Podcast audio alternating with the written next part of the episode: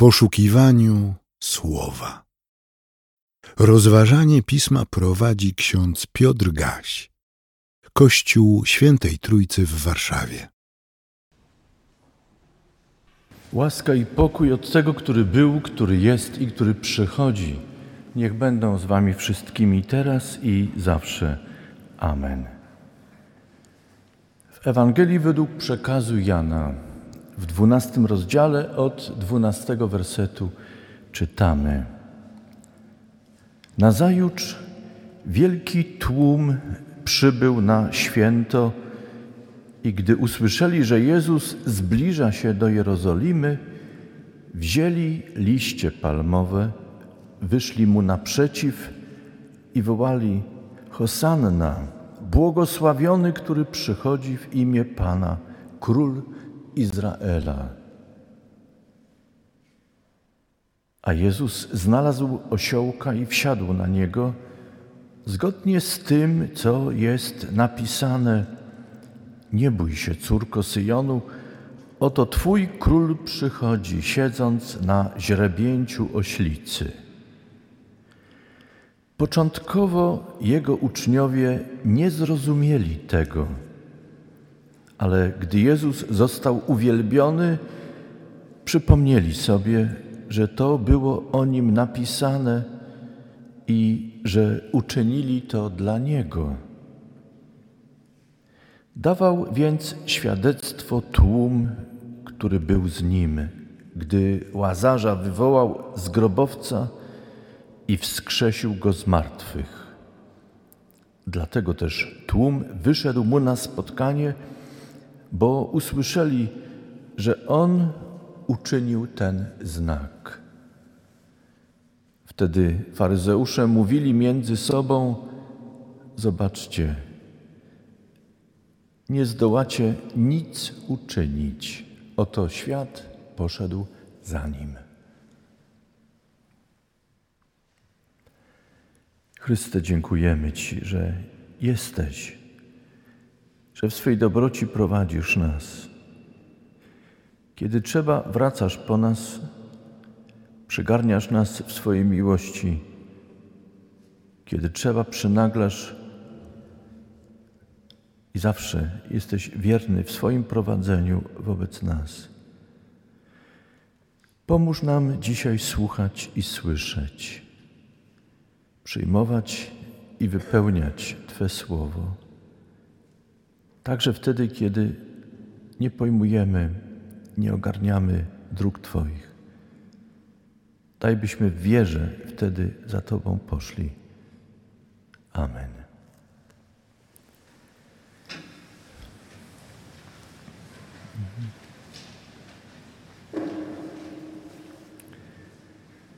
Siostry i bracia, wszyscy czterej ewangeliści relacjonują wjazd Jezusa do Jerozolimy, ale tylko Mateusz i Jan zwracają uwagę na to, że wjazd Jezusa do Jerozolimy na osiołku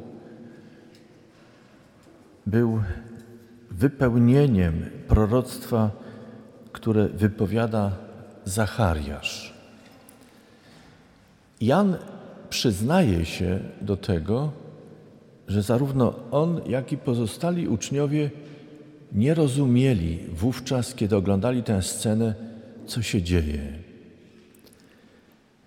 I pomyślałem, że dzisiaj w trakcie naszego rozmyślania warto zauważyć ten moment, do którego, który porusza Jan i tę sytuację, w której uczestniczył Jan i do czego się przyznaje nie rozumieliśmy, nie pojmowaliśmy. Pomyślałem, że ważne to jest także w naszym współczesnym świecie i w naszej sytuacji, byśmy ten moment w Ewangelii zauważyli. Dlaczego? No właśnie, dlaczego?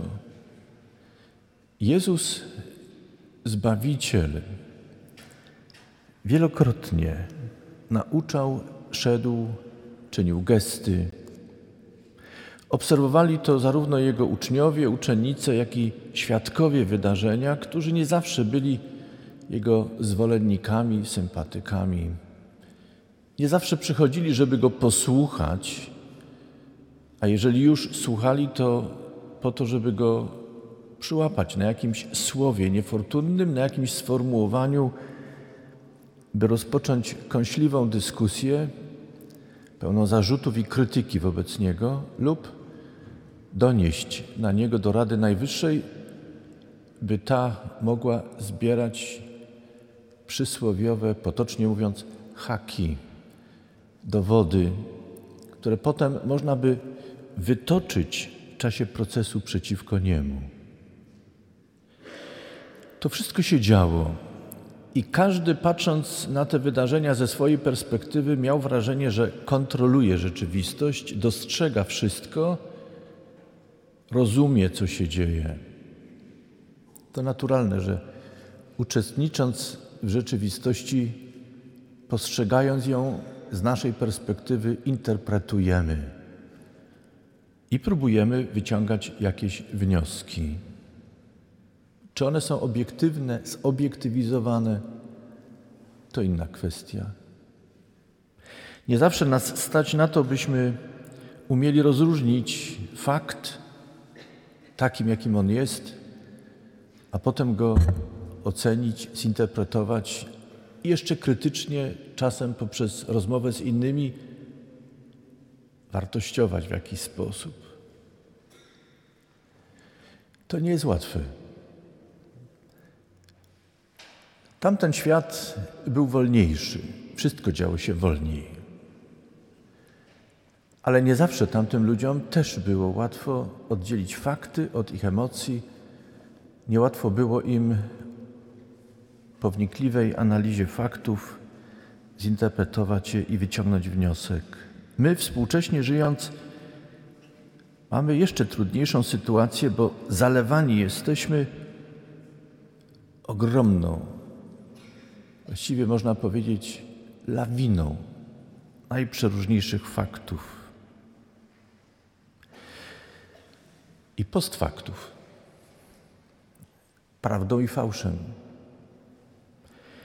I trudno nam nieraz oddzielić od faktów to, co już jest w jakimś sensie komentarzem, polityką, manipulacją. Porusza nas coś takiego jak fake news. Trudno to wszystko ogarnąć. Spotykamy się dzisiaj w kościele, słuchamy Ewangelii i próbujemy poprzez natchnione teksty odnaleźć wskazanie, które dotyczy naszego życia, naszej sytuacji. Próbujemy zinterpretować te teksty i wydobyć z nich to, co jest ponadczasowe, co Bóg chce nam dzisiaj położyć na naszym sercu. Chcę, byśmy to zabrali poszli z tym nie tylko przez wielki tydzień, który jest przed nami, ale zachowali to w sobie. Spróbujmy więc na chwilę zapomnieć o naszym świecie, o miejscach, które zostawiliśmy i spróbujmy wniknąć w ten tekst. Przede wszystkim ten ewangeliczny, bowiem to, co czytamy z księgi Izajasza i z listu do Filipian, jest podkreśleniem i komentarzem niezwykłym dla tego, co jest zapisane w dzisiejszej Ewangelii. Po pierwsze, Jezus podąża do Jerozolimy nie dlatego, że dokonał spektakularnego znaku, cudu w Betanii, kiedy wyprowadził z grobu łazarza. Chociaż ewangelista Jan zauważa, że wielu przyszło do Jerozolimy i świadczyli o nim właśnie ze względu na cud, którego dokonał. My jednak wiemy na podstawie relacji ewangelisty Jana i innych Ewangelii, że powód był inny. Nadszedł ten czas, kiedy Jezus jako sługa Pana, Mesjasz, namaszczony Duchem Świętym w chrzcie, w czasie chrztu w Jordanie, pełniąc swoją misję, doszedł do tego momentu, kiedy stwierdził: Teraz pójdziemy do Jerozolimy, aby się wypełniło to, co zapowiadali prorocy. Nie poszedł więc Chrystus do Jerozolimy ze względu na wolę ludu i dobry moment, by lud go przyjął. Poszedł ze względu na czas, który Bóg wybiera, Bóg wytycza, by dopełnić służby, którą postawił przed swoim synem. To ważne, siostry i bracia. Bóg czyni coś w tym świecie nie, nie ze względu na naszą wolę, na nasze życzenie i na nasze wybory, ale wszystko dzieje się wedle Jego suwerennej woli, w Jego czasie. Pamiętacie tę scenę z Kany Galilejskiej, którą opisuje także ewangelista Jan? Był to pierwszy moment, kiedy objawił chwałę swoją, jak komentuje ewangelista Jan. Matka Jezusa, Maria, przyszła do niego i powiedziała: Wina nie mają. Pamiętacie, co odpowiedział? Czego chcesz, niewiasto? Jeszcze nie nadeszła godzina moja. To ważne i zapamiętajmy to. Wolno nam prosić, wolno nam błagać i krzyczeć w tym świecie. Jednocześnie jesteśmy nauczani tego przez Chrystusa, że to On wybiera moment, kiedy czyni i działa. Jeśli nie starczy nam cierpliwości, jeśli odejdziemy wcześniej, jeśli z pretensją zwrócimy się do naszego Boga i powiemy: Nie mogę czekać, stracimy wiele. Pamiętacie, co Maria powiedziała do sług, którzy w Kanie Galilejskiej byli świadkami tej rozmowy między synem i matką? Odpowiedziała: Co wam powie, czyńcie.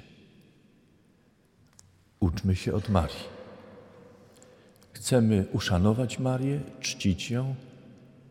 Powinniśmy. Uczmy się od Marii.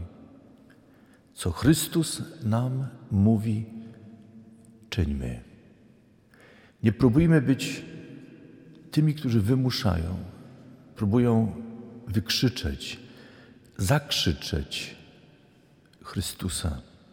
Co nam powie, czyńmy. Znaki, które Chrystus uczynił, wywołały ogromną nadzieję. I kiedy Chrystus wchodził, wjeżdżał do Jerozolimy, tłum wołał Hosanna. Co znaczy Hosanna? Wielu utożsamia to zawołanie z pochwalnym wołaniem, ale w istocie to jest błaganie o zmiłowanie. Hoshiana oznacza ratuj nas, ocal nas, wybaw nas. A potem uzupełniają ocal nas Ty, który jesteś błogosławiony, który przychodzisz w imię Pana, Król Izraela. We wszystkich tych sformułowaniach nagromadzony jest niezwykle, niezwykły emocjonalny ładunek, ale też wyznanie. Jesteś błogosławiony, a przez Ciebie może spocząć i na nas błogosławieństwo. Ty przychodzisz w imieniu Najwyższego, w imieniu Jahwe, Pana. Ty jesteś pomazańcem, Mesjaszem, królem Izraela. W tamtej sytuacji, w tamtym czasie to zawołanie mogło być bardzo różnie odczytane. Przez Radę Najwyższą, Radę Religijną mogło, być odczytane, mogło być odczytane jako i polityczne, i religijne wyznanie. Mesjasz bowiem był oczekiwany. W Mesjaszu postrzegano wielką nadzieję i spełnienie obietnicy, kiedy Bóg ocali Izrael uwolni go od wszelkiego ucisku i uczyni go błogosławieństwem dla ludów świata. Rada Najwyższa mogła czuć się zaniepokojona, zwłaszcza ci, którzy nie widzieli w Jezusie Chrystusa, przeobiecanego Mesjasza. Rzymianie obserwujący szpiedzy pewnie postrzegali tę sytuację też jako potencjalnie niebezpieczną, którą trzeba obserwować, by ten wjazd Jezusa do Jerozolimy nie stał się zarzewiem niepokoju i tumultu w okresie Paschy. Każdy jakoś interpretował.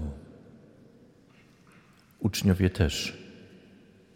Pamiętacie, o co prosili Chrystusa, kiedy powiedział, że teraz pójdą do Jerozolimy?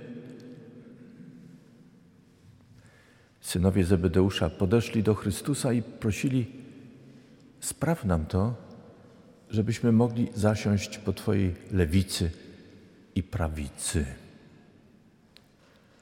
O co prosili? O pozycję, o znaczenie, o władzę, o wpływy. Pamiętamy, że pozostali uczniowie, kiedy o tym się dowiedzieli, oburzyli się. I warto zauważyć, i trzeba zauważyć, że to oburzenie wynikało nie z tego, że uważali prośbę ich za niestosowną, uważali, że te miejsca należą się im. Nie widzieli żadnej niestosowności w samej prośbie, ale w tym, kto prosi o miejsce po lewicy i prawicy. Chrystus ich nauczał wówczas, kto chce być pośród Was pierwszy, niech stanie się sługą Was wszystkich. Trudne. Czy usłyszeli to? Chyba nie do końca. Przed nami Wielki Tydzień i będziemy czytali między innymi to, co działo się w wieczorniku, kiedy prawdopodobnie gospodarz, nie dopatrzywszy wszystkich czynności, nie zadbał o to, by ktoś umył nogi uczniom i przede wszystkim Chrystusowi. I kiedy trzeba było zdecydować, kto wypełni tę czynność, nikt nie chciał. Nikt nie chciał być sługą wobec innych. Może gdyby to było opatrzone pewnym spektaklem, gdyby były kamery, fotoreporterzy, wykonali zdjęcia i potem głośno o tym napisali, jak jeden z uczniów się uniżył, jak bardzo umył im nogi. Może ktoś skorzystałby z okazji, by zaistnieć. Ale tu trzeba było w cichości, w szarości dnia wykonać czynność. Nikt nie znalazł się, by być sługą wobec innych. Co uczynił Chrystus? Zdjął swój płaszcz, przepłasał się prześcieradłem i umył ich nogi.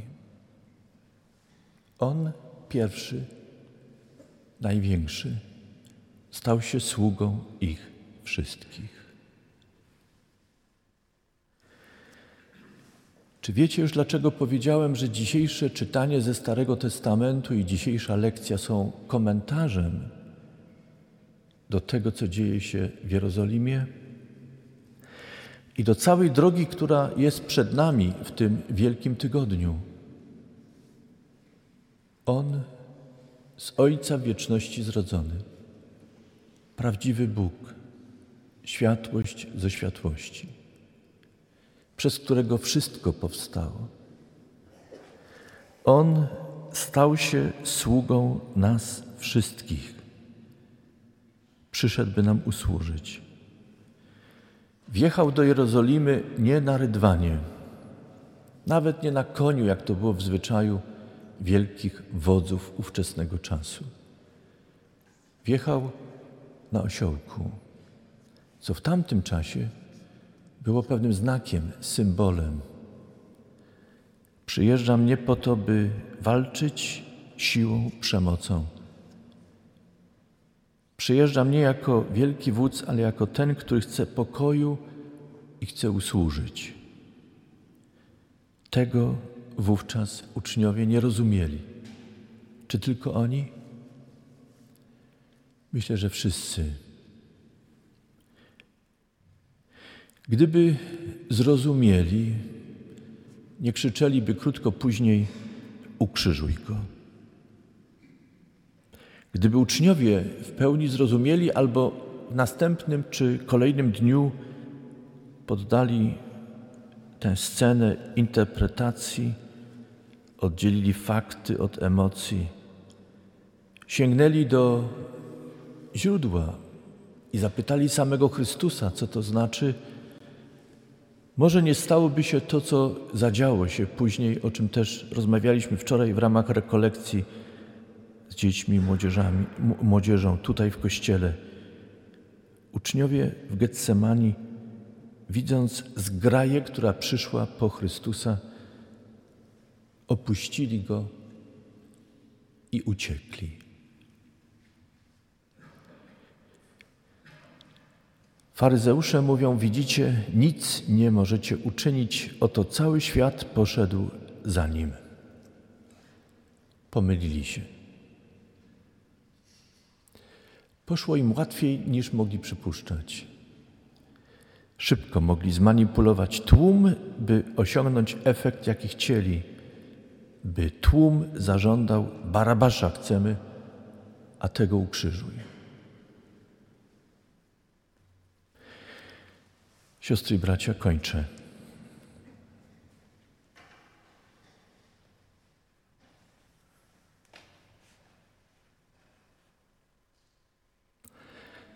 Z czym odejdziemy dzisiaj? Z czym wejdziemy w ten nowy tydzień? Jak tę wieść, którą nam przedstawia ewangelista Jan zachowamy w sobie i wydobędziemy z niej to, co jest nam potrzebne. Wydaje się, że sami tego nie jesteśmy w stanie uczynić. Zauważcie, oni po czasie zrozumieli. Wiecie dlaczego? Bo Chrystus poszedł za nimi. Chrystus ich szukał. Chrystus im odsłaniał.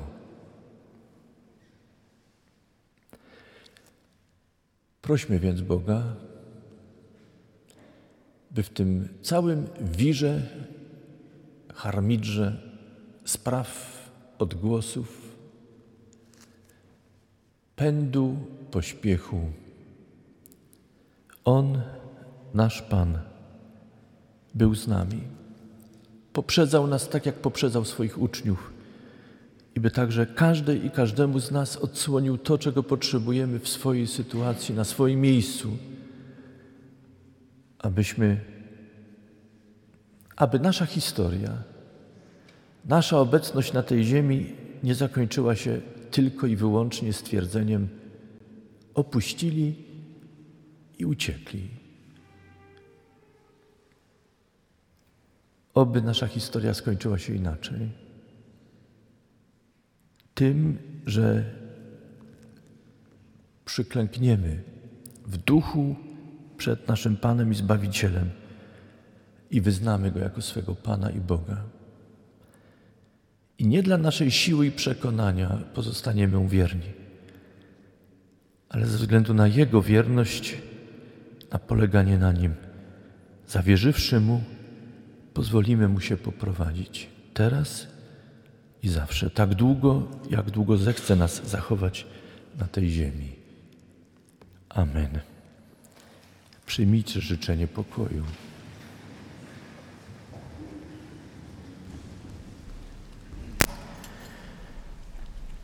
A pokój Boży, który przewyższa wszelkie zrozumienie, Niechaj strzeże serc i myśli naszych w Chrystusie Jezusie, Panu i Zbawicielu naszym. Amen.